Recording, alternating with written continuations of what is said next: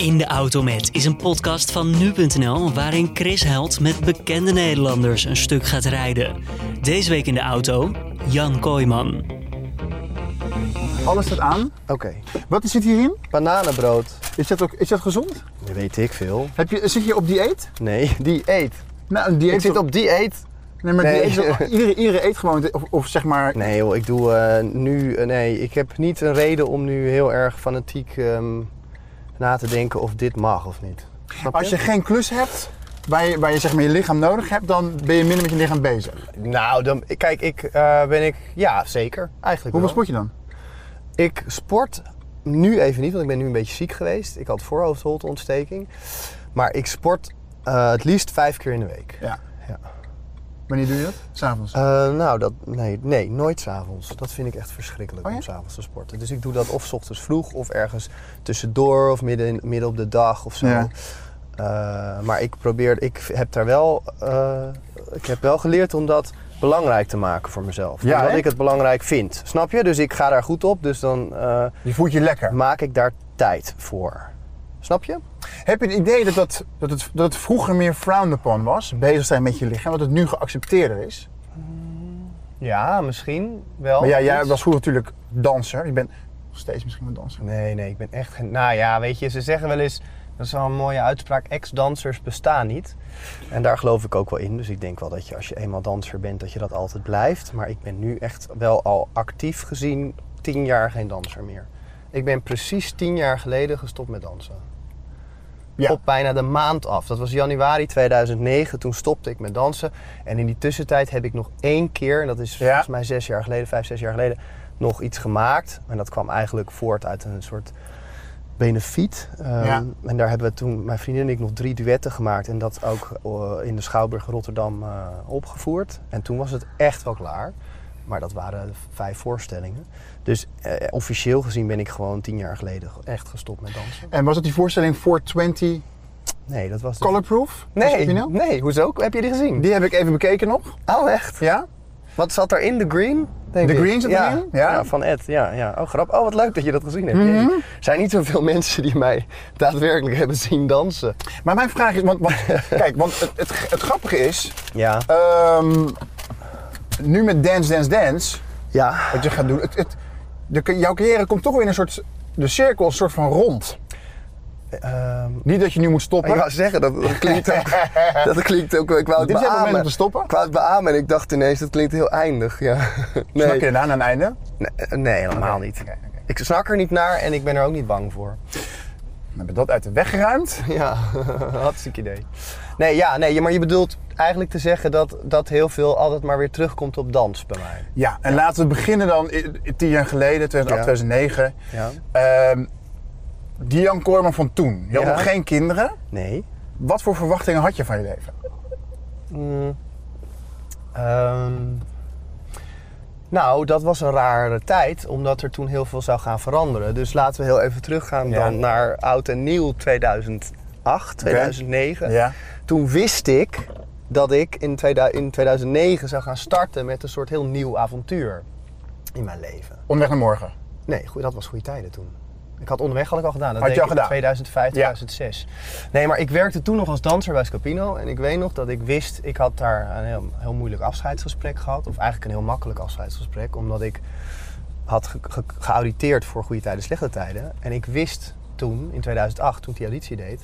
en dat uiteindelijk na heel veel gedoe werd... dat ik dat niet kon blijven combineren met een fulltime danserschap. Nee. Weet je wel? Want Dat, zijn is, serieuze draaidagen. ja, en Ja. Dat, is ook, dat kan niet. Dus toen moest ik eigenlijk kiezen. En Ja. toen heb ik bijna het niet gedaan. En toen dacht ik ineens, kut, ik moet het geloof ik wel doen. En ik weet nog het moment, we hadden een nieuwe voorstelling. Wat bedoel je, je moet het wel doen? Goeie tijden. Ja, ik moet Ja. toch wel, ik had al nee gezegd. Het duurde allemaal zo lang. Voordat ze wisten wie ze wilden. En het was een heel proces. En toen gingen ze casten met een castingbureau waar ik dan door gecast was. Toen werd ik weer in de wacht gezet. Toen zeiden ze, ja, we vinden je wel goed. En eigenlijk ben jij het, maar we gaan toch nog met een ander castingbureau casten. Ja. En toen dacht ik, jemig, wat duurt dit lang? En Ja. ik moest ook gewoon zeggen of ik wilde blijven bij Scapino. En toen dacht ik op een gegeven moment, nou, zoek het lekker uit. Ik ga het niet doen. Wat voor plan had Scapino met jou dan? Nou, ik was daar wel eh, heel gevestigd, zeg Ja. maar. Ik werkte daar al bijna tien jaar. Ja. En ik was wel... ehm, ik was wel een soort van toonaangevende danser Ja. binnen het eh, eh, eh, gezelschap. Misschien wel de belofte of zo? Nee, niet de belofte. Ik denk dat je gewoon binnen zo'n groep, we waren toen met de 20, 25, en dan heb je gewoon een aantal mensen, het is nu nog steeds zo, die daar al echt een poos werkten. En Ja. dat zijn ook wel mensen waar dan mensen die graag naar Scapino gaan ook een kaartje voor kopen. Ja, die komen echt voor een bepaalde danser. Nou, ja, voor sommigen, niet, niet één, maar meerdere. En ik denk dat ik daar wel bij hoorde. En dat was een hele leuke positie natuurlijk. En hè, we deden to- toffe tours, we gingen de wereld over. We hadden Ja. 100 voorstellingen in het jaar, dus ik Wow. zat niet op de schopstoel.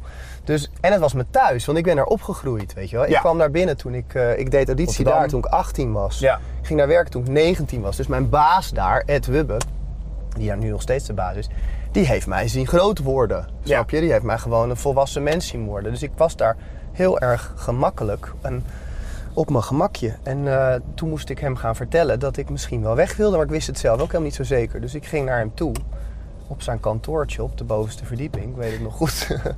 en ik ging zitten en hij zei, nou wat is er? En ik was heel goed met hem, hè, nog steeds. Ja. Dus ik had veel gesprekken met hem sowieso, ook over de toekomst en ambities en dat soort shit. En hij wist heus wel dat mijn ehm, horizon iets verder lag dan misschien alleen de danswereld. Ja. Dus hij, hij zei- hij zei, nou wat is er? En ik ging zitten en ik moest eigenlijk zo erg huilen. Want, Ja.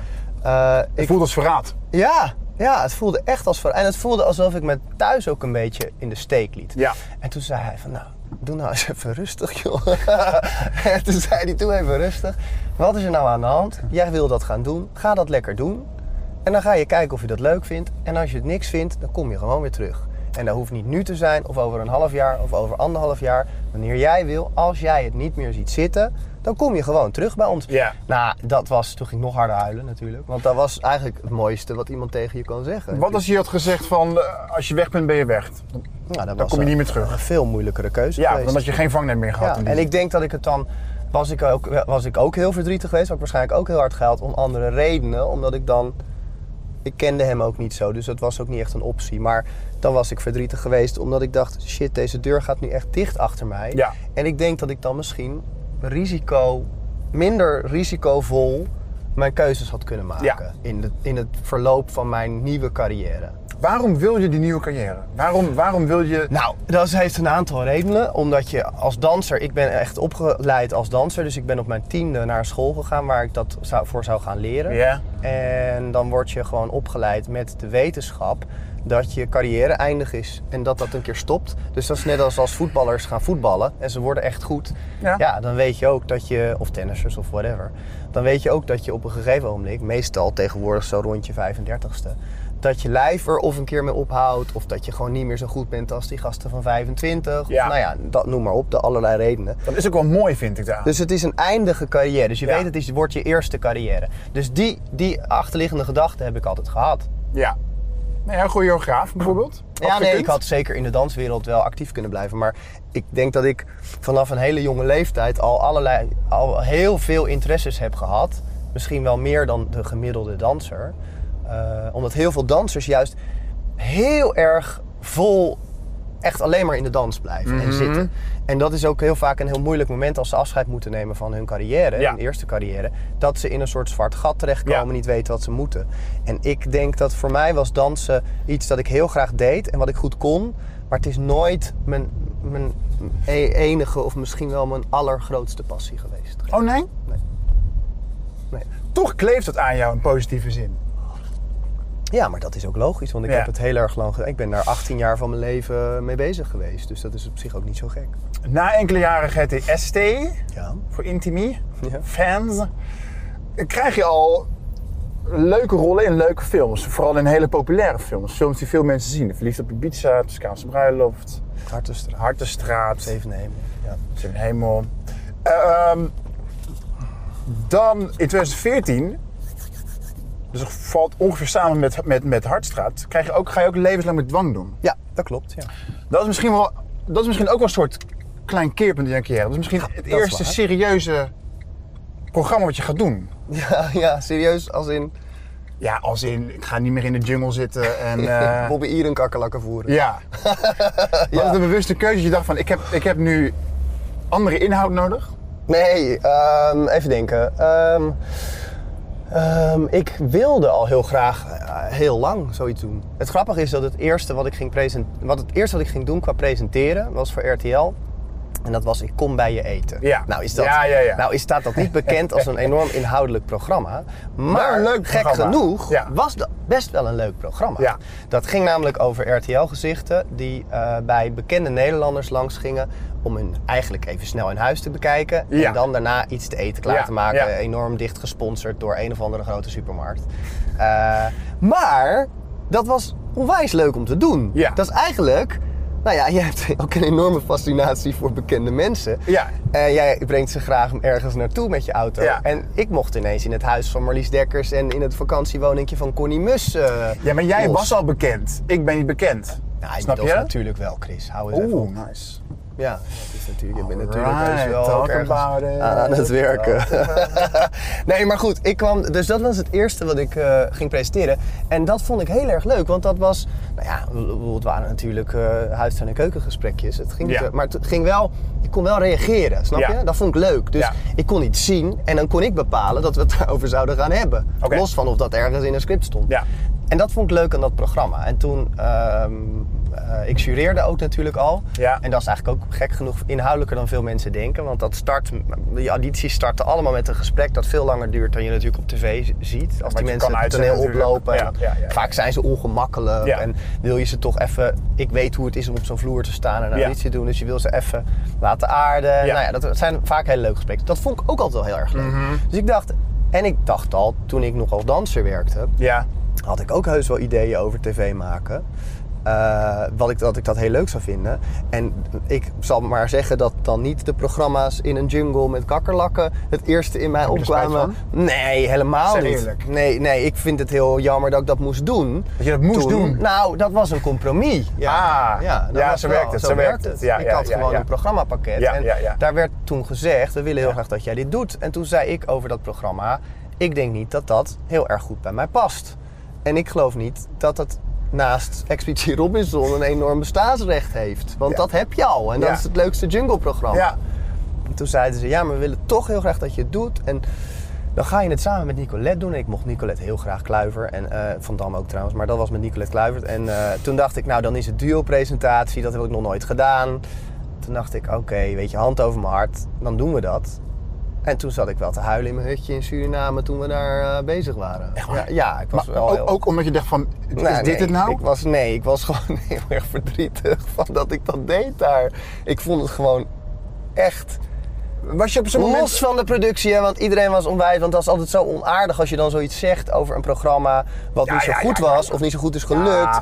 Daar wordt heel hard aan gewerkt door een heel team. Dat knipt Ja. er allemaal uit, maar dat maakt niet uit. Maar Nee. ik zeg het toch. Nee. Maar, nee, maar dat is wel zo. Hè? Want, dus, dus los van dat ik het daar op zich met Nicolette super leuk had. En met jouw collega Mark Lene, die was daar verslag. Ah, en heel erg gelachen.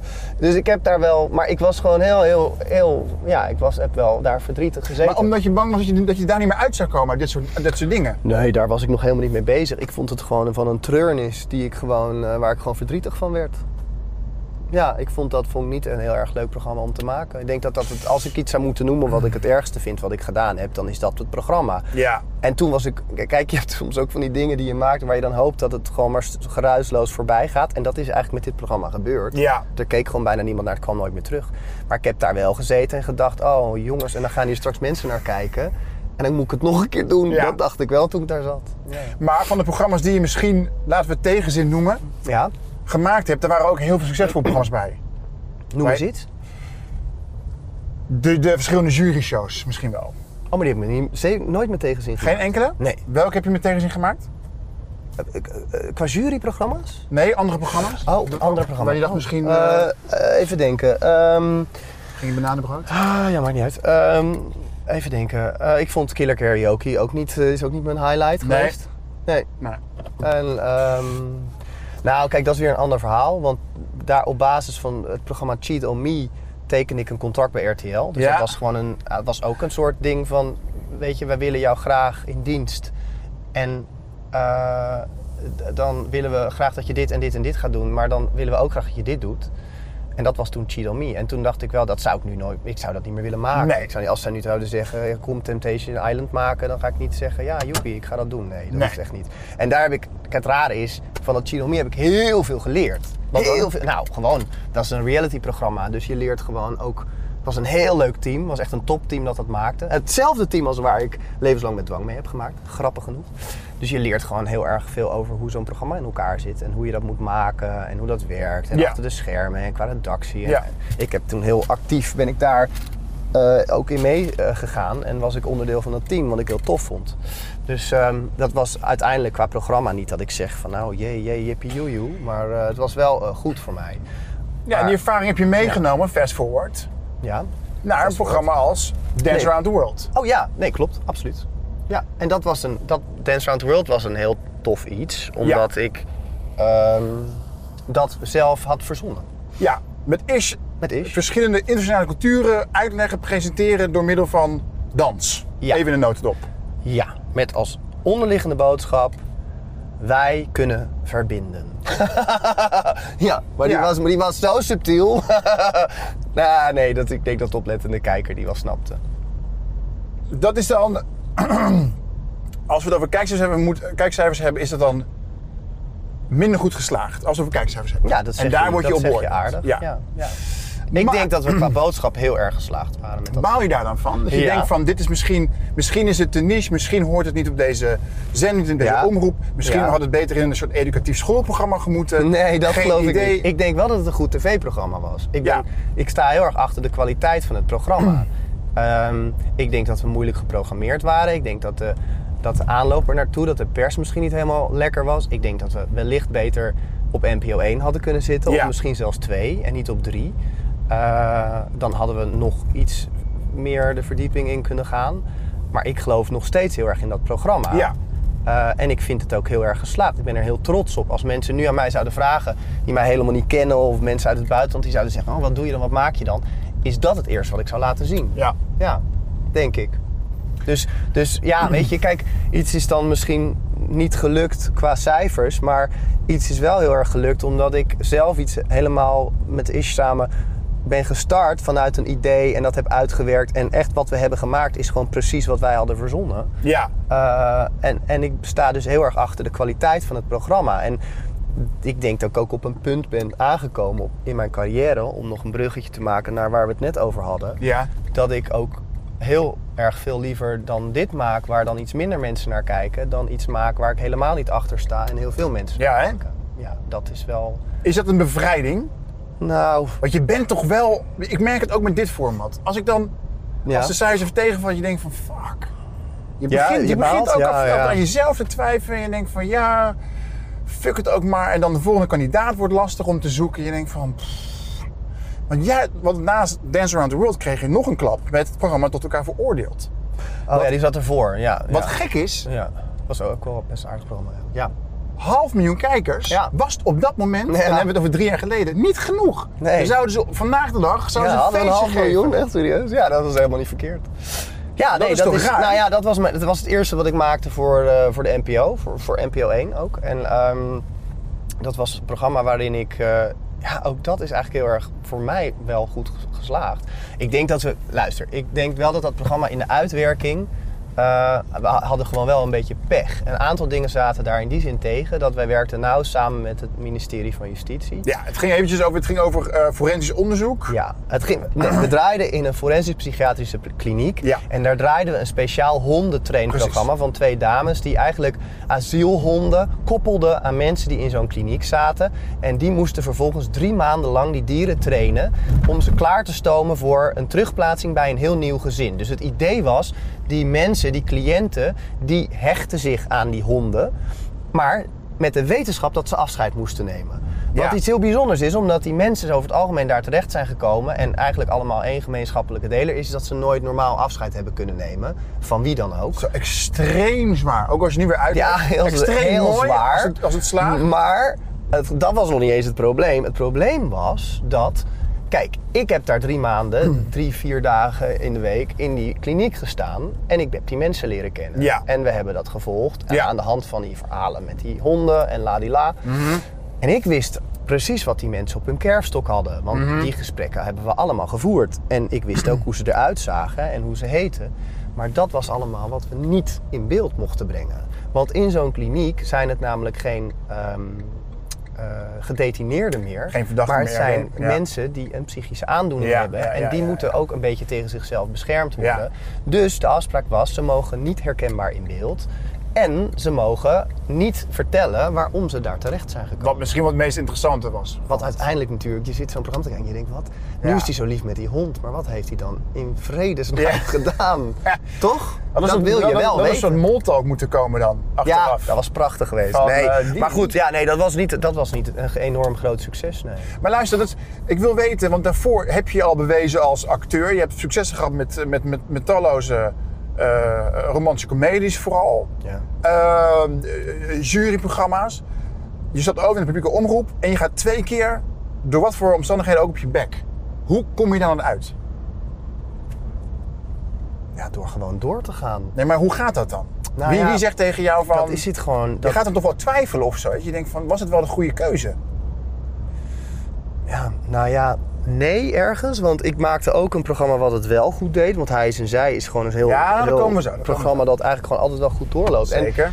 Ja, weet je, ik denk dat ik, ik hoop, je hoopt natuurlijk dat altijd alles lukt en dat alles altijd aanslaat. Ja. Maar jij zegt, je bent zo'n ge- gevierd acteur en geweldige films, maar luister, dat vinden misschien de mensen die gaan kijken, maar de mensen die iets van film weten, waren over het algemeen niet zo heel erg enthousiast over de Ja, films waar ja, ik in speelde. Nee, maar dat... Nee, maar wat is dan je referentiekader? Wanneer is 1 iets miljoen geslaagd? bioscoopbezoekers. Ja, dat maar is je waar- ja, maar- referentiekader. ja, maar dat is- Niet vier mannen Maar dat is een commercieel van referentiekader. 50 die zeggen van... Oh ja, maar ik mis toch een beetje Ja, ja, maar-. Ja, maar eh, wat, weet je, wat ehm, vormt de beeldvorming meer? Zijn dat die vijf mensen die in een krant schrijven dat het kut is? Of zijn dat die miljoen mensen die hem fantastisch Nou, dat is wat jij wil. Wil jij waarde hechten aan die ene recensie? Ja, of ja. aan al die mensen die zijn komen kijken? En dat is dus een goede vraag, snap je? En daarom laat ik mijn plezier of mijn succes ook niet zo heel erg afhangen van wat andere mensen ervan Mhm. vinden.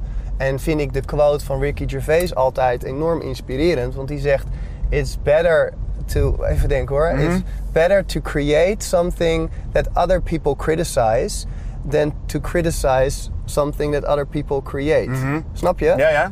of iets in die trant. Maar dat vind ik wel een mooie. En ik denk dat dat uiteindelijk gaat dat over, dus inderdaad, creativiteit en ontwikkelen en maken. En ik denk dat dat best wel in mij zit, dat ik dat wil. Dus ik heb een idee of ik heb een beeld over iets en dan denk ik, dat moet eruit. En als dat er dan gewoon uitgaat op de manier waarop ik er in ieder geval wel prettig op terug kan kijken, dan kan het nog in de opinie van anderen zo'n ontzettende mislukking zijn. Maar daar laat ik me dan niet van van de wijs brengen. Nooit gedaan? Nee, eigenlijk niet. Ik was, nee. En misschien is dat wel omdat ik al op heel jonge leeftijd in aanraking kom met allerlei vormen van recensies en kritiek. Door je dansen? Ja. Ik ben altijd, ik heb altijd tussen andere mensen ingestaan waarin ik dan ook beter had moeten zijn. Of, snap je? En dus ik heb me daar wel, denk ik, een beetje in geconditioneerd. En ik was, eh, weet ik veel, ik geloof dat ik 19 was. Toen deed ik een van de eerste echt grote rollen in een stuk bij Scapino. En toen hadden ze een recensie geschreven, dat was een prachtige recensie. En toen hadden ze een heel andere danser genoemd. dus, maar dat was ik. Dus ik las die recensie. Ik denk, hé, hey, dat is mijn rol, maar dat ben ik niet. Weet je wel? Dus Ah. ja, weet je, wanneer is iets belangrijk als je het zelf belangrijk maakt, snap je? Dus ja, dus in die zin, en ik denk ook dat als je alleen maar bezig bent met de hele tijd met het meten van je succes, dan kom, dan kom je niet, dan kom je nooit meer verder, joh. Je moet volgens mij veel meer denken in ideeën. Dus ik vind dat eigenlijk veel belangrijker. Is dat een antwoord op je vraag? Dat is een heel goed antwoord, maar Jij wil weten of ik er dan helemaal doorheen zit. of zo. er moet toch haast wel een uur zijn geweest waarin je dacht van... Nou, ik heb wel heel erg, natuurlijk, ik heb in die zin wel heel erg gebaald. Maar vooral, vooral van, van Dance Around the World, denk ik. Ik denk dat ik daar dan, daar baalde ik wel van dat we niet gewoon net 100.000 kijkers meer hadden. Omdat je dan zeker wist dat je gewoon nog een seizoen mocht maken. TV is gek, hè? Maar weet je wat raar is met dat programma? Ik denk dat dat, want dat heeft het in Vlaanderen dus best wel goed gedaan. Ja. We hebben dat verkocht aan één. Ja. Ehm, en daar is het eigenlijk heel goed aangeslagen. En eh, die had, ze gingen natuurlijk voor een dubbeltje op de eerste rang. Want die hoefden echt maar mm, een appel en een ei neer te leggen om dat te kunnen uitzenden. Want het was Mm, ja, al ja, gemaakt. Ja, ja, ja, ja. Ehm, maar daar hebben we eigenlijk voor een, voor een ready-made heel goed gescoord op één. Eh, en hadden we een heel mooi marktaandeel. En ik denk ook dat misschien onze toon of voice eh, En het feit dat Ish daar natuurlijk veel bekender is dan hij hier is, Ja. dat dat wel een beetje heeft bijgedragen. En dat we misschien beter matchten met het Vlaamse publiek dan met het Nederlandse publiek. Ik merk sowieso, ik Hoezo werk heel met- graag in Vlaanderen. Ik werk nu ook, Maar leg eens uit waarom dat beter aanzet bij de Vlamingen. Was het, was het nou, omdat we best wel gematigd geluid laten horen. En dat in Nederland niet heel erg populair Nederlands is. weer meer brallerig? Nee, niet brallerig. Meer, eh, alles is veel meer naar de flanken gegaan. Snap je? Nee? Nou, ik denk dat we heel erg in een tijd leven waarin je je heel erg eh, soms misschien wat ongenuanceerder moet uitlaten om de aandacht te vangen. En ik denk dat onze boodschap eigenlijk best wel genuanceerd was. Wij hebben bijvoorbeeld een man gesproken in Peru die echt uit het niets gewoon zo ontzettend moest huilen. En dan is het een hele, hele populaire gedachte om dan gelijk dit te Ja, doen bij hem ja, of mee te gaan huilen. Oh, Ja. inderdaad. En dan, oh, dan denken de mensen thuis, oh kijk hoe echt hij is. Oh, kijk Ja, hoe ja, echt- ja. en wij zaten daar en ik schrok er ook een beetje van. En weet je wel, Ish pakte zijn hand en, en er viel een mooie stilte. En dat was het echte leven, weet je. Zo je het echt, het echt ook doet met vrienden. En ik denk dat dat geluid is niet meer zo heel populair in Nederland. En misschien dat Vlamingen sowieso iets introverter en iets gematigder en iets richting iets meer, snap je? De paradox is echter dat bij hij is en zij Ja. ben jij ook gematigd, vind ik. Dan ben je Ja, ook niet een, een, een tranen, een tearjerker. Nee, en dat toch is dat waar, ja. programma maakt dat is- heel veel los. Ja, maar dat is denk ik ook omdat hij is en zij over een onderwerp gaat. Dat het maakt niet uit of jij het met je oma over hebt, Mhm. Ja. of met je beste vriend, of eh, met je buurman. Ja. Het maakt niet uit met wie je het daarover hebt, maar het onderwerp van transgenders en in transitie gaan, dat triggert mensen. Dat zet toch iets in je brein aan van, hè? Die. Dus het, is, dus het is een heel st- sterk onderwerp om veel over te praten. En Ja. omdat het is ook we hebben ook het geluk dat we daar anderhalf jaar bijna voor draaien. Dus je kunt het ook heel visueel echt vertellen, zeg maar. Die hele transitie kun je visueel maken. Ja, dat is te gek. En, en dus in die zin is dat... En daar ben ik inderdaad niet. Daar ben ik zeker niet iemand die de hele tijd met iedereen gaat kroelen. Nee, dat zit niet echt in mij. Nee, en het heeft voor iemand die... eh Jezus Jans, de zesde keer die fucking bril op de grond. Op! Mag ik een stukje bananenbrood? Ja, dat mag jij zeker. Ehm, maar dan, dan denk ik aan een, een meisje of jongen in transitie die thuis zit Ja. en dat ziet. Dat moet zo'n dat moet zo'n gigantische steun zijn. Dat, dat die Ehm, mensen ja. letterlijk een gezicht krijgen. Ja. Dat, dat, ik geloof ook wel dat, dat kids dat zo ervaren. Ja. Maar waarom ga je dan nu weer Dance Dance Dance doen? Is dat gewoon heel simpel? Superleuke ervaring en er moet brood op de plank? Of vind je het ook gewoon kick om echt zo'n show-show te doen? Moet er een combinatie zijn? Moet het Maar waarom sluit het een het ander uit? Dat zeg ik niet. Nee, oké. Maar misschien wil je het in evenwicht Ja, maar houden. waarom ga je dat ineens weer doen? Ik, heb vorig, ik jureer sinds vorig jaar in België voor ehm, Dancing with the Stars, dat, hier, dat RTL hier gaat doen. Eh, en daar werd ik eh, voor gevraagd vorig jaar om dat te doen. En dat vond ik eh, onwijs leuk, omdat ik dat had al vier jaar niet meer gedaan. Ge- jureren. Ik had het ook niet gemist, moet ik heel eerlijk zeggen. Waarom niet? Nou, omdat ik dat heel lang gedaan had. Ik had dat zeven, ik had zeven, geloof ik zeven seizoenen eh, So You Think You Can Dance Ja. gedaan. Drie seizoenen Everybody Dance. Nou, ik vond het eigenlijk op een gegeven moment ook wel... Uitgedanst. Nou, ik was wel... eh, nou ja, dan is het wel tijd voor weer wat anders. Zo zit ik dan ook bij elkaar. Maar goed, ik had dat vier jaar niet meer gedaan. Ik had Dance Around the World gemaakt. Eh, ik had inmiddels... Mijn kinderen waren in een andere fase van hun leven. Eh, dus ik denk dat ik ook wel weer gewoon als mens wat gegroeid ben. En toen vroegen ze mij daar. En dat vond ik eigenlijk heel leuk. Want ik werk graag in België. Ik werk graag met Belgen. Think maakten we ook met Belgen. Ish is een van mijn beste vrienden. En ik vond het eigenlijk heel eervol dat ik daar als enige Nederlander... Ja. voor een totaal Vlaamse zender, die helemaal niet in Nederland te zien is... gevraagd werd als jurylid. Ik vond het hartstikke leuk. Toen Ja. dacht ik... En ik kende het team, want dat maakte ook al So You Think You Dance. En dat merk ik ook wel altijd heel belangrijk voor mij... dat ik weet met wie ik ga werken. En toen dacht ik, weet je wat? Ik ga eens vragen of ik dat mag doen bij de KRO NCRV. En die zeiden toen heel aardig... Jij mag dat doen, Oh, ga dat, maar is lekker wel, doen. dat is wel echt heel nice. Dat is heel tof. Ja. Dus ik heb dat met zoveel plezier eigenlijk gedaan. Want het is natuurlijk een heerlijke klus. Je komt aan, je gaat zitten, je gaat kijken en je zegt wat je ervan vindt. En je gaat lekker wat drinken na afloop. En ik kreeg een hotelletje. En de Eh. volgende dag reed ik lekker terug naar Rotterdam. Ja. Dus ja, ik vond dat hartstikke leuk. En nu was het zo dat eh, Talpa belde. Want ik had vorig jaar dan ook iets gedaan al met ze voor eh, ook dansen. En die zeiden, we gaan Dance Dance Dance doen. Zou je het leuk vinden om dat te doen? Ehm, en toen dacht ik, ja, Waarom vragen ze jou, denk je? Verplaats je, verplaats je dat in een... je aan eh, hun vragen. Nee, verplaats jij eens in een, eh, in een zendermanager, of hoe dat heet. Nou ja, vertel jij maar, doe jij dan maar eens. Vertel jij maar waarom ze me zouden vragen. Nou, je had het net over dat in Nederland alles naar de flanken gaat. Ja.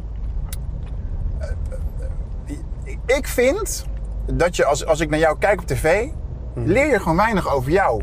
Oh ja? Dan kom je weinig over jou te weten. Ik weet niet of dat zo goed is. Nee, maar Of ik, juist heel goed. ik denk juist wel goed, omdat je dan zo op de beste manier een programma kan dragen. Ja. Oké, gelukkig. Ja, ik weet het dus niet. Maar goed, ja, oké. dus, dus je, je theorie is... Nou omdat ja. we hem niet goed kennen, willen we dat hij ergens iets over vertelt. Nou, ik denk omdat jouw persoonlijkheid niet afleidt van datgene wat je presenteert. ah ja, oké. Dat, Dat vind je- ik- dat, dat vind ik wel een groot compliment. Dat je toch echt wel naar een jury kijkt en niet naar Jan Kooijman. Oké, nou, dat vind ik wel goed. Dat- Dus Is dat een compliment? Nou, denk ik wel. Want dan denk ik dat je bedoelt dat het meer over de inhoud gaat dan over wie daar iets aan het roepen is. Ja. Je Ja. hebt niet zo echt zo'n heel veel behoefte om jezelf te profileren, denk ik. Nee, dat heb ik helemaal niet. Nooit gehad ook. Nou, ik denk in het begin veel meer dan nu. Hebben je kinderen daar eens mee te maken? Hmm, ja, dat had ik vroeger meteen beantwoord met nee, wat een onzin, waarom zou dat iets veranderen? Ja. En ik denk dat ik daar nu een beetje anders in sta.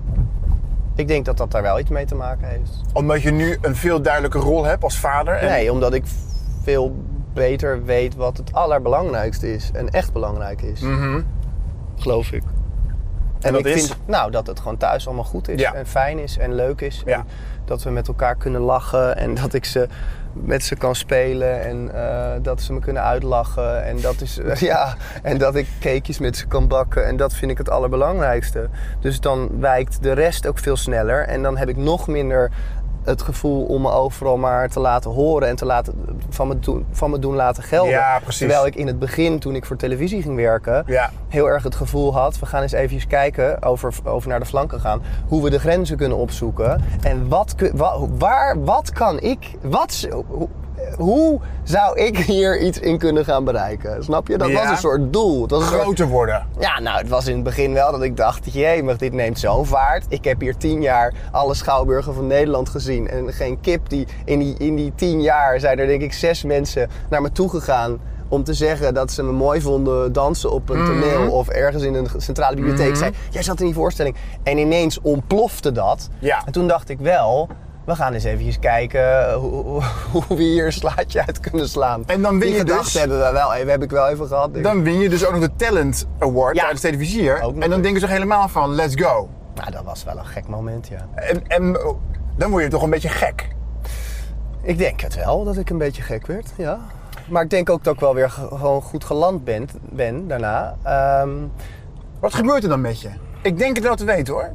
nou, ik werd daar ook... Ik, ehm, pff, wat gebeurt er met je? Nou, dat is gewoon Wat heel heeft je omgeving gemerkt? Nou, mijn omgeving. Ik denk als je, als je het hen zou vragen, dat er niet zoveel verandert, Ja. veranderde. Want ik was best wel... Kijk, het gebeurde niet toen ik 17 was. Nee, precies. Gelukkig. Ja. Het gebeurde toen ik 8, Thank 9, God. 8 29 was. Ja, ja, godzijdank. Ja, ja, ja. Dus ik had wel al gewoon, weet je, ik bedoel, ik deed mijn boodschappen en ik deed mijn afwas. En ik kwam rond van eh, gewoon een heel gemiddeld salaris heel lang, want Mhm. als danser verdien je niet zoveel. Dus ik, toen dat allemaal gebeurde, toen eh, bleef ik redelijk dezelfde persoon. Alleen ik denk in mijn hoofd gebeurde er heel erg veel. En ik merkte natuurlijk aan de omgeving van mensen die mij helemaal niet kenden dat daar heel veel gebeurde. En dat had een aantal effecten. En ik denk dat- Hier de likkers. Nee, ik bedoel gewoon mensen. Gewoon mensen. Iedereen weet wie jij bent in Ja. één keer. En dat is gewoon heel raar. En Ja. ik woonde gewoon in een heel normaal wijkje in Rotterdam. En dan gingen er mensen ineens voor mijn deur staan schreeuwen. En, of andere mensen gooiden eieren tegen mijn raam. En dat heeft wel... Toen werd ik daar heel... ehm, onrustig van, denk ik. En ik denk dat ik... Ik ben ook toen gewoon even... Ik denk bijna anderhalf jaar niet meer naar, naar buiten gegaan. Zeg maar, als ik niet naar buiten hoefde. Dat had wel het effect op mij. Gewoon het was geen niet- boodschappen doen, niet naar de ja, ik deed snackbar. wel, nee, ja, nee, niet naar de stad, niet naar de snackbar, niet naar, alleen als ik moest werken of ik kwam in mijn auto en dan ging ik ergens heen. Maar Dat wordt dan een monster wat je zelf gecreëerd hebt, om het even dramatisch te maken. ja, ja, dat is waar. Ik had dat inderdaad wel een beetje aan mezelf te danken. Maar denk je dan ook niet van, iemand had me daarop moeten voorbereiden? Mm, Maar dat kan niet. Nee? Nee. Maar je werkt Wie met- zou dat zijn dan? Nou, de teams waarmee je samenwerkt, Nee, die programma's kan- nee, maakt. die zien toch ook... niet. Nee, dat kunnen ze niet. En dat, ik denk eerlijk gezegd ook niet dat zij het hadden voorzien. Ik heb toen weer Annemiek van Vliet is een dame die werkt al heel lang in het televisielandschap. En zij was op dat moment op een gegeven moment interim eh, uitvoerend producent bij Goede Tijden, Slechte Tijden. Ja. En die riep mij op een gegeven moment bij haar op haar kantoor. En die zei toen, van, die zei toen wel van, nou luister, ga even zitten. Want er, het, het is allemaal, hoe gaat het? Het is allemaal best wel heftig. En is best wel Welk jaar was dat ongeveer? Ja, weet ik veel, 2010, 2011. Zo rond die award. Ja, ja, ja, Ja. zoiets. En zij zei toen van ja, ik zit hier al vanaf het begin. Ik heb die begintijd meegemaakt Mhm. met Reinoud en Anthony. En Ah. zij zei, ik heb dit, eigenlijk wat er nu gebeurt, heb ik niet meer gezien sinds toen. Ja. En ik, ja, wist ik veel. Ik kende die tijd wel. Ik keek goede tijden toen natuurlijk, toen ik tien was. Dus Ja. ik wist wel wie Reinoud Oerlemans en Anthony Kamerling waren. Ja. Maar ik dacht bij mezelf, joh, doe even rustig. Zo erg is het allemaal niet, weet je wel. Ik was dat Mhm, een mhm. beetje, denk ik, wel een beetje aan het bagatelliseren. En zij was wel toen iemand die zei van, eh, gaat het allemaal nog wel en zo. Maar ja, ja je, Jij dacht zo, waar heb je ook over? een vaart, weet je wel. ja. Maar Ja. opeens komt er, staat het voor je en je denkt van fuck. Ja, Ik heb het gewoon niet opgemerkt. Ja, En het staat nu letterlijk voor mijn deur. Ja. ja, Heb je dan ook gedacht van, ik vluchtig van, ik kap hiermee. Ik ga, even, ik ga... Nee, toen niet. Maar heb, later, beeld. heb ik later wel eens over nagedacht. Ja. Nog steeds wel eens hoor trouwens. Was dat ook een, een soort T-splitsing? Was het, het, was, het was natuurlijk een moment waarop je dacht van, ik ga, je hebt een beetje gas teruggenomen. Mhm. Maar het was misschien ook een moment geweest, als je toen had doorgedrukt, Ja. was je nu misschien wel ja. Wie? nog gevraagder. ja. ah, wie? Ja, Ja, eh, maar ik denk dat ik dan wel heel erg ver bij mezelf vandaan was terechtgekomen, Ja, snap je? ja. En ik denk dat ik nu best wel weer, ik ben heel erg, ik geloof dat ik wel ehm, dicht bij mezelf. Dat is ook zo vreselijk. Nee, helemaal niet. Ik, ja, ik denk wel dat ik redelijk eh, in de buurt bij mezelf ben gebleven. En je dat- bent toch niet voor niks ook al bijna 20 jaar met je meisje 18, samen? ja. 18, ja. Nee, maar nog over dat wat je zegt van eh, als je door had gepakt. Ik heb natuurlijk ook wel eens nagedacht over van, joh, misschien had ik dan. Hmm. En, en het rare is namelijk, kijk, jij hebt het, had het net over dat acteren, maar het rare is dat op een gegeven moment ik was, was zeg maar die soort van eh, eh, best wel dat, dat hele status gebeuren en het feit dat iedereen jou kent en ziet en maar iets van jou vindt. Dat is Ja. als acteur zijn super onhandig. Ja. En daar was ik echt wel even heel erg aan voorbij gegaan. Waarom dan? Omdat je, omdat je je Nou. naar gaat gedragen? Nee, helemaal niet. Nee, nee, nee. In die zin dat ik dat niet zo had ingezien. Hmm. Dat ik niet had ingezien dat producenten of regisseurs misschien helemaal geen behoefte hebben om mij te casten, omdat ik veel te bekend was. Ah, Snap je? Omdat het ook wel fijn is als je iemand in een film of een serie ziet die gewoon kan transformeren naar een personage. je was bang voor het Barry Asma effect. Wat is dat? Het Barry Atema effect? Dat een goede acteur is, maar je ziet iedere keer Barry. Oké, nou ja, dat is wel precies waar ik een beetje bang voor was. Ja. Ik had dat niet zo snel aan de hand van het voorbeeld Barry gegeven, maar eh, ja, dat is waar ik bang voor was. En dat is, kijk, ik kan ook niet meer terug nu. Want het is nu wat het is. Ik denk dat iedereen weet dat ik Jan heet. Weet Ja, maar wel. Jan had ook voor kunnen kiezen om bij niet weer in een romcom te spelen. Nee, maar dat is weer iets anders. Maar ik krijg Ah. bijvoorbeeld bij de Caro en CRV ook van die... Ik heb van die polls. Dan krijg je zo'n statistiekje met een blaadje met jouw hoofd. En dan een soort eh, statistiek met allemaal waardes. En hoe je daarop scoort. Een soort merkwaarde? Ja, en dan gaan ze Ah. meten wat je naamsbekendheid is. en Weet ik veel. Een soort Maurice de. Hond, eh, enorm Maurice de Hond eh, onderzoek. Wat eng. En dan staat, ja, verschrikkelijk. En dan staat er enthousiast. En dan staat er allemaal woorden. Die, iedereen heeft dat. Dus ook Yvonne Jaspers en Anita Witsier en Joris Lins moeten daar doorheen. En ik dus ook. En dan krijg je zo'n soort stergrafiek van hoe je scoort en zo. Maar daar staat dan ook bij van je naamsbekendheid. Ja, en nou ja, dat is nu. Ik kan daar, ik kan niet meer daar, dat kan ik niet meer minder maken, snap je? Of Nee. ja, misschien als ik het wat rustiger aan blijf doen. Maar eh, dus ja, dus in die zin is Waarom dat kan wat je niet meer minder maken? Wat bedoel je? Nou ja, je kan niet ineens niet meer weten wie Wendy van Dijk is, toch? Nee, klopt. Je weet nu helemaal wie Wendy van Ja, Dijk is. ja, ja, dus ja, dat is niet meer. eh, Je kan niet, tenzij je. Hoe vaak krijg je zo'n uitrij? Elk jaar. En Krijg je dat per post of krijg je dat... Nee, dat is met een gesprekje erbij van de dames van de communicatieafdeling. En dan gaan ze praten over hoe je scoort en zo. En hoe, je, hoe het met je gaat. Het is best wel heftig. Ja, het dat is, is weird, man. ja, maar goed, weet je, dat doen ze overal hoor. Want ik weet dat ze dat bij commerciële omroepen ook doen. En het is gewoon een meting van hoe je ligt bij het publiek uiteindelijk. Maar het is wel redelijk confronterend om dat zelf te zien. Ja. Maar hoe krijg je het voor elkaar om jezelf nog te blijven kennen en niet je te gedragen naar een soort publieke perceptie van jou? Dat is toch bijna onmogelijk? Nou, ik, nee. Vooral als jij zelf je product bent. Dat was je als danser al en als acteur, Ja. als presentator. Dat heeft, ik denk dat je gewoon de juiste mensen om je heen moet verzamelen. Ik had, je, dat had, je, had je ook soms mensen om je heen waarvan je dacht van dit gaat niet goed? Nee, Oh. ik heb, nee, nee, geloof ik niet. Nee, ik heb, eh, En misschien heeft dat, wat ik zei, ook wat te maken met dat ik er niet heel jong Ja. in terecht ben gekomen. Ik denk dat ik eh, misschien wel anders terecht was gekomen als ik bijvoorbeeld op mijn 16e of 17e al in zo'n circus terecht was gekomen. Vol testosteron, Ja, maar dan was het gewoon een geld. Ja, dan was nou geld valt wel mee hoor in het begin. Zo, wat verdiende Danny dan bij GTS? Nou, dat niet zoveel. Nee? Nee. Wat verdiende Danny? Jezus. Nee, ik denk dat die kids bij goede tijden die daar binnenkomen, dat is niet, eh, daar word je niet heel rijk van. En dat is, vind ik eigenlijk ook best wel dat dat iets meer zou mogen zijn, omdat je heel Ja. veel van jezelf ehm, en van je eigen privéruimte eigenlijk Ja. letterlijk kwijtraakt. Dus daar zou dan best wel een iets grotere financiële vergoeding tegenover mogen staan. Vooral in zo'n klein land, hè? Ja, zeker. ja. Dus, dus eh, ja. Nee, dus in het begin is het geen vetpot of zo. Ehm, nou, dit was inhoudelijk genoeg, denk ik. Levenslang nu hebben dwang had je we... nog, maar die hebben we helemaal laten liggen. Maar dat is ook niet zo erg. Dat heb ik wel genoemd.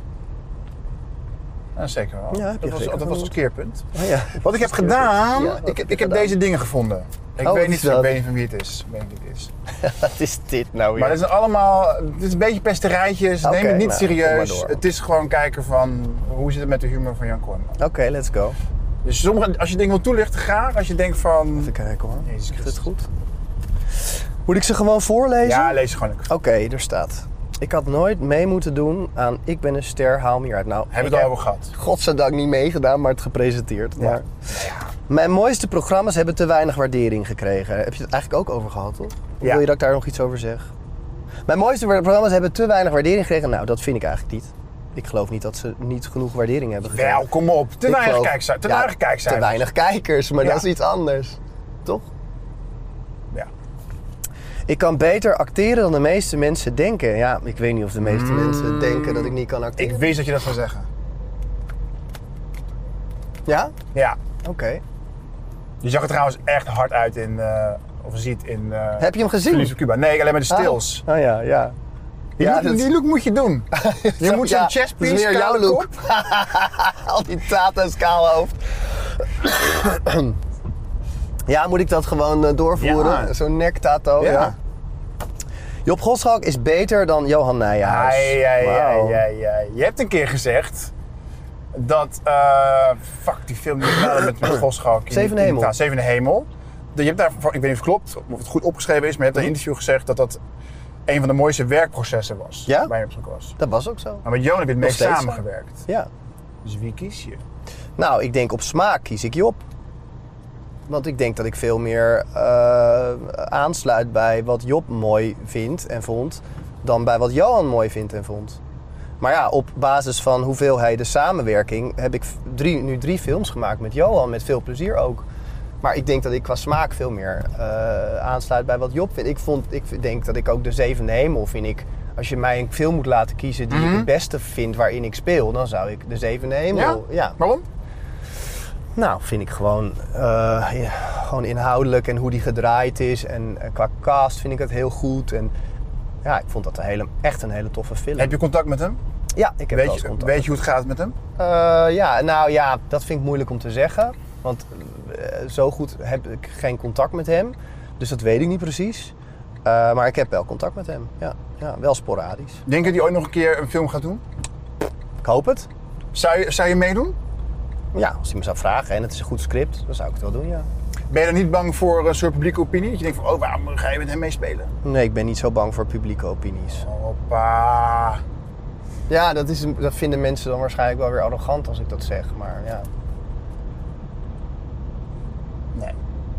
Weet je, Denk je- mensen, mensen maken fouten. Ja. En ehm, iedereen maakt fouten, weet je wel. En, en als iemand dan eenmaal gestraft is, dan moet je toch ook weer door kunnen. Zeker? ergens. Eh, Maar dat bestaat niet meer. Die cultuur nee, van maar tweede kans geven is, ik, dat, dat, maar dat is bedoel ik met dat we heel erg naar de flanken gaan. Ja, weet je wel. het is niet meer- gelijk. er is geen beeld meer mogelijk van iets of iemand waarin goed en slecht naast elkaar bestaan. Nee. En dat vind ik soms wel een beetje moeilijk. Ja. Ja. En dat geldt voor Job ook, denk ik. Zou hij moeite hebben om een complete cast samen te stellen binnen korte tijd? Weet ik eigenlijk In niet. die zin dat mensen denken van, oh nee. eh, Ik weet het niet. Ik denk dat Job daar zelf helemaal niet mee bezig is. Oké. Next one. Ja. Sinds het ontvangen van de Televisier Talent Award hoop ik op een televisiers, televisierster. Nee, dat is niet waar. Heb je wel gedaan. Ja, zeker in het begin. Heel, heel, heel vurig. En nu helemaal niet meer. Eh, Hoe, waar was het omslagpunt dat je dacht van, dit moet geen doel op zich worden? Nou, dat is een goede vraag. Het omslagpunt. ehm, ik weet niet of er één specifiek omslagpunt was waarop ik dat niet meer wilde. Mm. Ik geloof gewoon dat. Ik, kijk, het ding, het ding is namelijk. Die Televisier Talent Award die kwam zo onverwachts. Snap je? Mhm. Die kwam zo uit de lucht vallen. En die kwam ook zoveel te snel eigenlijk, Ja. denk ik. Dat ik daar wel. Dat je dan. Dat is zoiets werkt ook een soort verslavend. Ja, je? Dus tuurlijk. je krijgt dat. Ja. En dan proef je ervan. Aha. En dan denk je, ah, je wereld, ik kom, ik kom je pakken, weet je wel. En ehm, ja, en uiteindelijk had ik helemaal nog niet zoveel gedaan, denk ik dan, weet je wel. En nu heb ik veel meer gedaan en ik heb veel meer meegekeken en ik heb veel meer zelf gemaakt. En Ja. Dus ik ben op een heel ander vlak. En, en dat vlak is ook dat zo'n televisierster en zo'n heel circus met zo'n gala en zo, dan denk ik, joh, Whatever. Eigenlijk wel. Ja. Denk ik dan, whatever. Ja. En dat is natuurlijk is het leuk, want het is een soort publieke, eh, hoe zeg je dat? Eh, Publieksprijs. Ja, het is een publieksprijs, dus dat is ook leuk. Dus dan, weet je wel, ik Ja. wil dat niet bagatelliseren of Nee. zo, maar ik ben daar zelf eigenlijk niet meer mee bezig. Dus het is, zou echt een leugen zijn als ik nu zou zeggen, oh, ik hoop zo op een televisierster. Dat Ja. is gewoon echt niet zo. Check. Ja. Toen ik bij Scapino zat, keek ik neer op BN'ers. Nee, Ah. nooit. Never. En heel veel van mijn collega's wel. High culture, low culture. Ja, klopt. Ja. Nee, nee, nee. Sterker nog, ik heb wel eens toen ik bij Scapino werkte, heb ik wel eens gedroomd dat ik eh, Winston Gerstenovic verving bij eh, RTL Boulevard. En ik werd wakker en ik was... Echt? Ja, echt. Ja, was een, dat was een gekke droom. En toen, eh, en toen werd ik wakker en ik zei tegen mijn vriendin, ik zeg, ik heb zo raar gedroomd. Ik heb gedroomd dat ik Winston Gerstenovic bij RTL Boulevard heb vervangen. En dat Heb je was ooit denk ik... tegen hem verteld? Nee, Winston weet dat denk ik niet. Dus bij deze Winston. En dat is natuurlijk... Ik ben later Winston gaan vervangen. Ja, en Daphne, ja, ja, wisselde met Daphne en Winston eh, drie jaar lang toen ik Boulevard deed. Dus het is ervan gekomen. Maar nee, ik heb nooit neergekeken. Sterker nog, ik had, net als jij denk ik, een enorme fascinatie Mhm, ook voor BN'ers en bekende en beroemde mensen. Waarom dan? Dus, ja, dat weet ik niet. Dat zit er vanaf jongs af aan in. Ik knipte graag plaatjes uit de televisier en dan knipte, dat plakte ik in mijn schriftjes. En dan had ik favorieten en zo, weet Maar je wel. probeer het, eens, probeer het eens uit te leggen. Want voor mij is het zo, denk ik, omdat, het, omdat die mensen toch hun leven op een bepaalde manier anseneren. Het is ook een soort... Ja, zo voelt dat bij Ze- de juiste BN'er. Ja, ze, ze, ze leven wel hun Ja. eigen leven, maar het is ook een deel projectie van het publiek.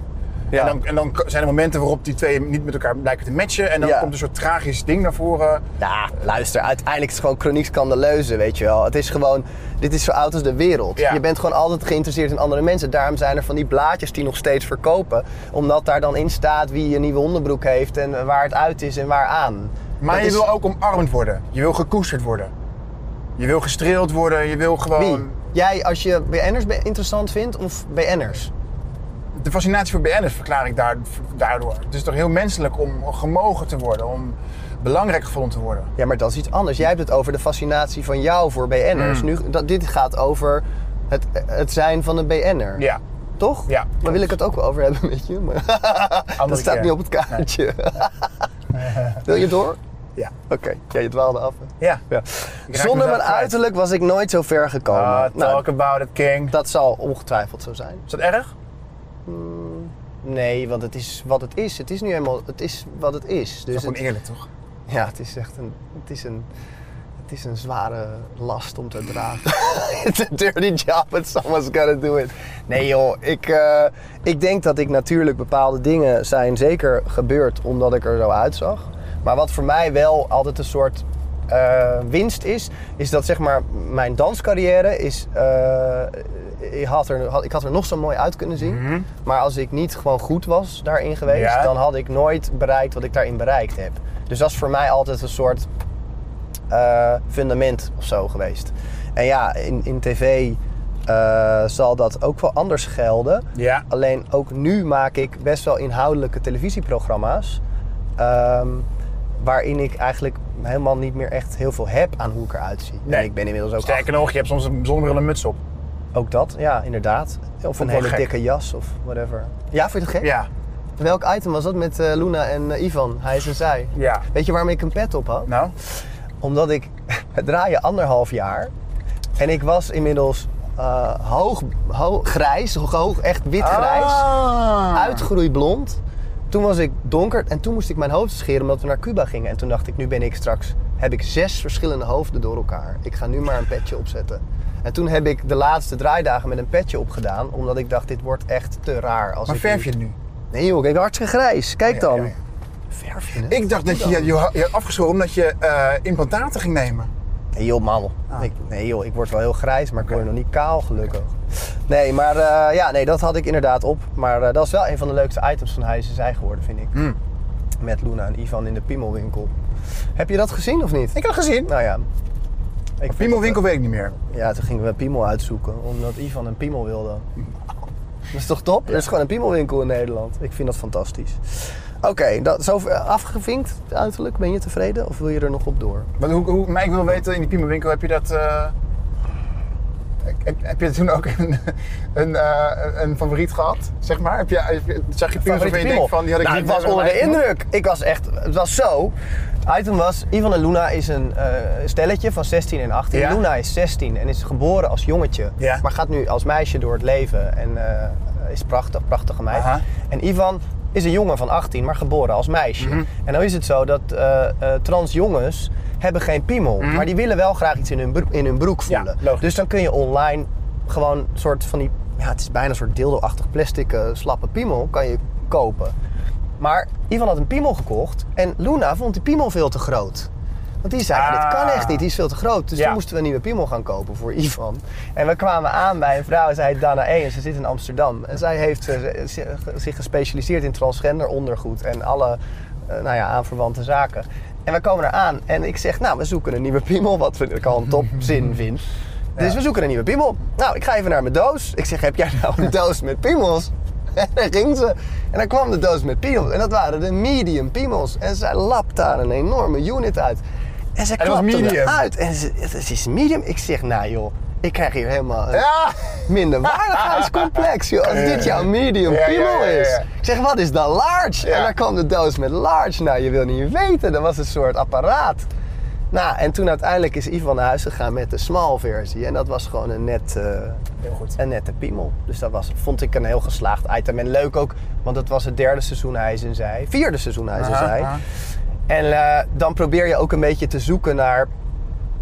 Dit was een onderwerpje wat we nog niet hadden besproken. Snap je? Het is Ja. leuk dat er dus dit soort eh, merchandise, wou ik bijna zeggen. Maar dit soort ehm, spullen zijn nodig ook, weet je wel? En ook dit soort ondergoed. En het is leuk dat je dan wel zo'n winkel ook even kan belichten, maar aan de hand van het verhaal van Mhm. deze twee mensen.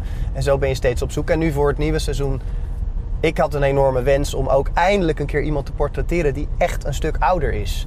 Ja. En er was een soort angst Ja. dat, nee, want het is NPO 3 en daar kijken mensen niet naar oude mensen. En dat vind ik zo'n onzin. In dit huidige televisielandschap Ja. denk ik, waar maakt men zich druk om? Weet je, mensen kijken ofwel naar een programma of niet. Echt? Doe niet zo moeilijk. Dat is kapot georganiseerd. Dus zorg gewoon voor een goed verhaal. En als jij iemand in de 60 kan portretteren die eigenlijk al jarenlang zich het andere geslacht voelt, maar nooit die stappen heeft durven te zetten Ja. vanwege de druk van buitenaf of whatever. Dat is een geweldig mooi verhaal. En ik denk herkenbaar voor best wel veel mensen binnen die scene. Absoluut. Dus nu heb ik dat er lekker doorheen gekregen. Dus we gaan dat gewoon doen voor het nieuwe, nieuwe seizoen. Gek. Ja, dus dat Goede winst.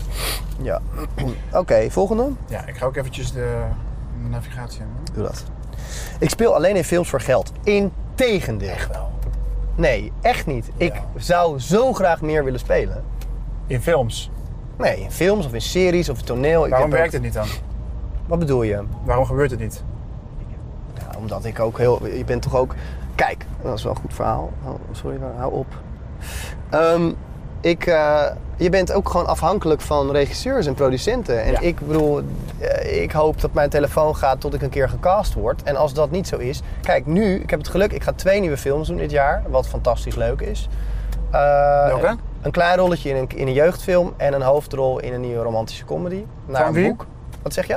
Welke Mag ik het? nog niet zeggen. Jawel, kom op. Dat is allemaal nieuw. dat is allemaal nieuws. Nee, en maar ik ben ook een eigen dramaserie aan het ontwikkelen. En die is verkocht aan NPO 3. Dus dat is Echt? echt heel tof. ja, tik hem aan. En dat eens dan. Nou, dat werd een beetje geboren uit eh, frustratie. Over? Nou, over dat ik eh, wel graag meer gecast zou willen worden. En veel meer zou willen spelen dan ik eigenlijk doe. En ook ander soort rollen spelen dan ik eigenlijk vaak voor gevraagd word. Dus En- dacht je, doe het zelf wel. Nou ja, kijk, ik dacht eerst, ik kan hierover blijven huilen. Ja. Weet je wel? Ja. Maar aan de andere kant, iedereen wordt getypecast. Want dat als je vraagt aan, ehm, weet ik veel, Elise Schaap, die veel speelt, maar die zit toch vaak een beetje in die comedy-achtige Ja. hoek met Ja. gekke typetjes. Mhm. Nou, dan heb je, weet ik veel, Esmee van Kampen is altijd het gezellige buurmeisje Ja. die altijd leuk is en die is nooit een keer de lead. Barbara Sloesen. Nou, en zo zijn er natuurlijk heel veel mensen die gewoon... Tigo wordt heel erg getypecast in altijd een beetje een viezig met een randje en een beetje de bad boy. Ja, is zo. Die zal nooit een keer die frisse dude zijn, eh, weet je wel. Nee. Dus ik dacht ook, Jan, kap met janken, weet je wel. En als jij iets anders wil, dan moet je het zelf gaan creëren. Dus ik had een idee. En ik vond dat zelf een goed idee. Dus ik heb dat uitgewerkt. En toen ben ik eh, gaan zitten met de producent waar ik wel eens eerder mee heb gewerkt en al eigenlijk al heel lang ken. Kaya? Kaya Wolfers van eh, NL Film. Ja. Eh, en wij zijn dat idee gaan uitwerken en hebben daar een schrijver bij gehaald. En toen hebben we dat neergelegd bij NPO 3, bij Suzanne Kunstler. En zij was heel enthousiast gelijk. En het geluk is natuurlijk dat ik televisie maak als presentator voor de KRO NCRV. Eh Suzanne was al enthousiast, dus de KRO NCRV zei... Wat een tof idee, wij willen ook wel meedenken. Heb je zelf erin geschreven? Ja. Ik ga spelen erin, ja. ja dat is het was- moeilijk? Nee, De Hoezo? hoofdrol ook. een hoofdrol. Een hoofdrol. Waar maar hoezo? over? Hoezo is dat moeilijk? Nee, want het idee is juist dat ik iets, wil, iets denk te kunnen spelen wat ik nog niet eerder gespeeld heb. Dus dat is dan juist fijn dat je dat zelf creëert, snap je? Ja, precies. Maar een regisseur die voor jou, of, of, of een scenario schrijver die voor jou... Nee, joh, maar ik schrijf het niet zelf nu. Ik schrijf wel mee, ik denk mee, ik ben creative, snap je? Dus ik, Ja. ik probeer mee te denken over de verhaallijnen, over de personage, Oké. wat er gebeurd is. Wij hebben nu gewoon twee wekelijks met elkaar een meeting. En dan gaan we weer zitten en eh, iemand gaat dat schrijven. Waar gaat het over? Ja, dat mag ik eigenlijk nog niet zeggen. Een beetje. Een seriemoordenaar. Ben jij dat? Dat mag ik nog niet zeggen. Oh, dat zou vet zijn. Ja. Kale kop. Nee, nee, nee, het is seriemoordenaar. Het is geen eh steegjeskiller. Oh, nee.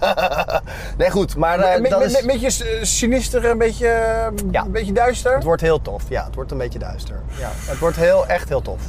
En ehm, ja, het goede nieuws is dat we dus eh, eigenlijk een soort go hebben gekregen nu van de NPO om dat te gaan maken. Dus Wanneer ga je beginnen? we, we, we gaan heel 2019 kunnen we schrijven. Het Ja? moet er 10 worden. We hebben er nu ongeveer 3 à 4 liggen. Ja? Eh, dus eh, we willen gewoon echt klaar zijn met schrijven in 2019 en dan 2020 gaan draaien. En dan hopelijk, hopelijk najaar 2020. Hoe ga je het allemaal doen dan? Wat? Al die dingen. Welke dingen? Dance, dance, dance. Dance is Dance is nu, is mei. Je Dat kinderen. zijn zes dagen. Mijn kinderen, die zijn er. Ben je wel kan genoeg niet, thuis? kan niet het huis uitschoppen. Nee. Eh, ja, ik ben heel veel thuis. Ja, ik ben heel gelukkig. En dat zou, zou ik ook niet anders willen. Maar dus nee, dus ik speel Ja, alleen in films voor geld. Is echt onzin. Nee, ik zou, als je, als je mij zou vragen waar, als je zou kunnen, hè, eh, als je gewoon goed zou kunnen verdienen door alleen maar te acteren, zou ik daarvoor kiezen. Maar verliefd op Cuba. Wat? Verliefd op Cuba. Centjes. Lekker. Of ik dat heel goed verdient? Ja? Nee, dat verdient niet slecht. Maar het verdient ook geen. eh eh, dit zijn geen Hollywoodprijzen, Chris. Nee. Helaas. Dus, volgende. graag. Ik heb nooit een BN'er willen zijn. Nee, dat zou, dat zou echt een leugen zijn. Want ik denk dat ik als kind daar echt wel Goed eh, dat je fantasieën toegeeft. van heb gehad. Ja. ja. Te gek. En, en ehm, ja, ik denk dat ik als kind wel in vriendenboekjes eh, schreef... eh, ik wil later acteur of zanger worden of zo. Weet je wel? Is dat, valt het te herleiden naar een aandachtstekort op wat voor vlak ook als kind of niet? Ongetwijfeld. Ja? Gaan we nu de Alice Miller eh, eh, tactieken toepassen? Had je lieve ouders? Ik heb super lieve ouders. Daar lag het niet aan. Nee. Alsof het een aandoening is. Alsof het echt een soort klinische diagnose is. Ik heb vroeger BN'er willen zijn.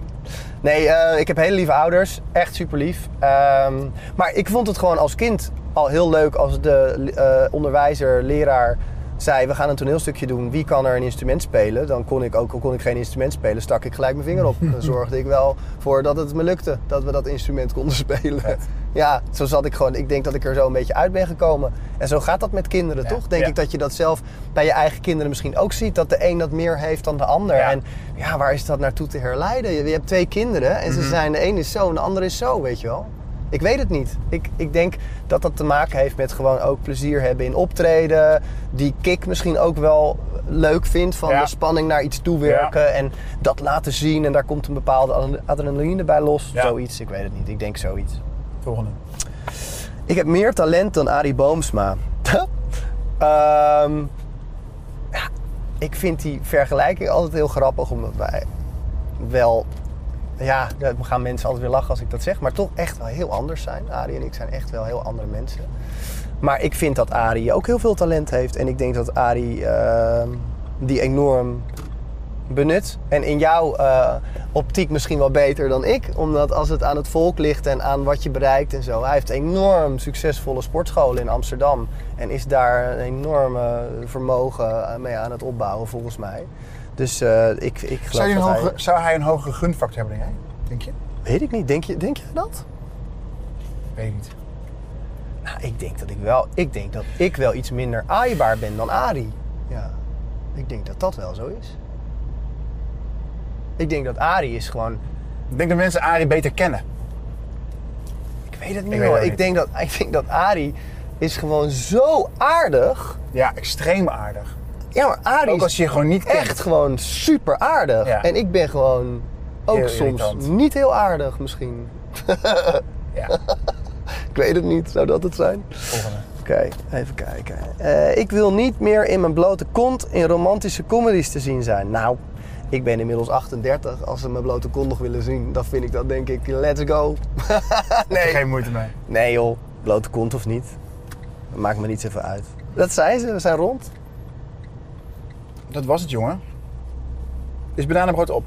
Nee, er is nog een stukje, Zeker, zeker. Wat ga je doen nu? Eh, ik heb nu een meeting voor die dramaserie. Vet. Ja, Lekker man. Dat is echt lekker dit. ja, het is wel een goed broodje. Nou, ik vond het super gezellig, dankjewel. Ik hoop dat je een beetje eh, genoten hebt van het brood. Oude seriemoordenaar. Ja. Nee, nee, Dankjewel. oh. Ja, dat zijn aannames, hè. Dat ik dat ben. Ehm, ja. Ik, eh, mag ik dit hier laten? Ja. Oké. Ik pak mijn spullen en dan ben ik weg. Yes. In de Automat. Het is een podcast van nu.nl waarin Chris Held elke week met bekende Nederlanders een stuk gaat rijden. Volgende week weer een nieuwe aflevering.